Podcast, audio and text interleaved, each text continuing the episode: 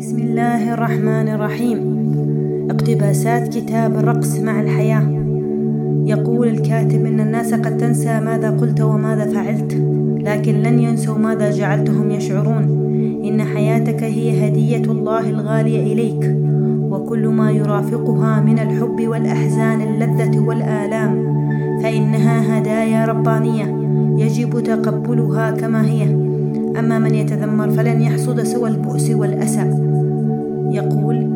الرضا العميق على كل يوم يمر علينا وما نلاقيه من صعاب وتقبل تضاريس أجسادنا مهما كان شكلها وقبول الناس على اختلافهم وقبول الماضي رغم آلامه والحاضر رغم عثراته والتعهد التام بالرضا عن كل ما تهبه الحياة لنا في أيامنا القادمة والإستسلام الكامل لكل أمر لا نقدر على تغييره وتقبل كل حالاتنا وما نملكه ونقائصنا ومشاكلنا والاعتراف بذلك بكل صدق مع أنفسنا.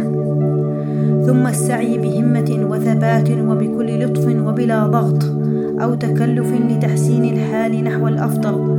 ذلك هو جوهر العيش بامتنان وهو غاية الحكمة في عيش حياة طيبة.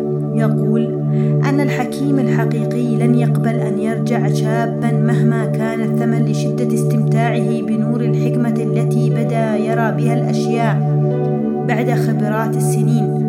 يقول طلبت من الله كل شيء لأستمتع بالحياة فأهداني الحي... الله الحياة لأستمتع بكل شيء. يقول سأبحث عن إيجابياتهم وسأظهرها لهم لأجعلهم يرون أنفسهم بأبس بأبهى صورة ممكنة.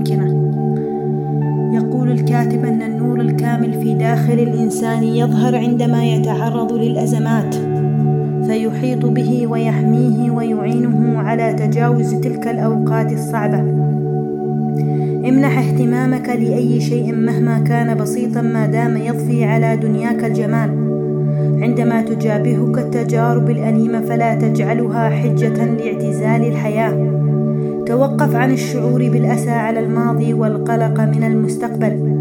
عامل كل من تقابله في الحياة على أنه شخص مهم للغاية أن الشخص دائم الابتسام أكثر جاذبية وقدرة على إقناع الناس.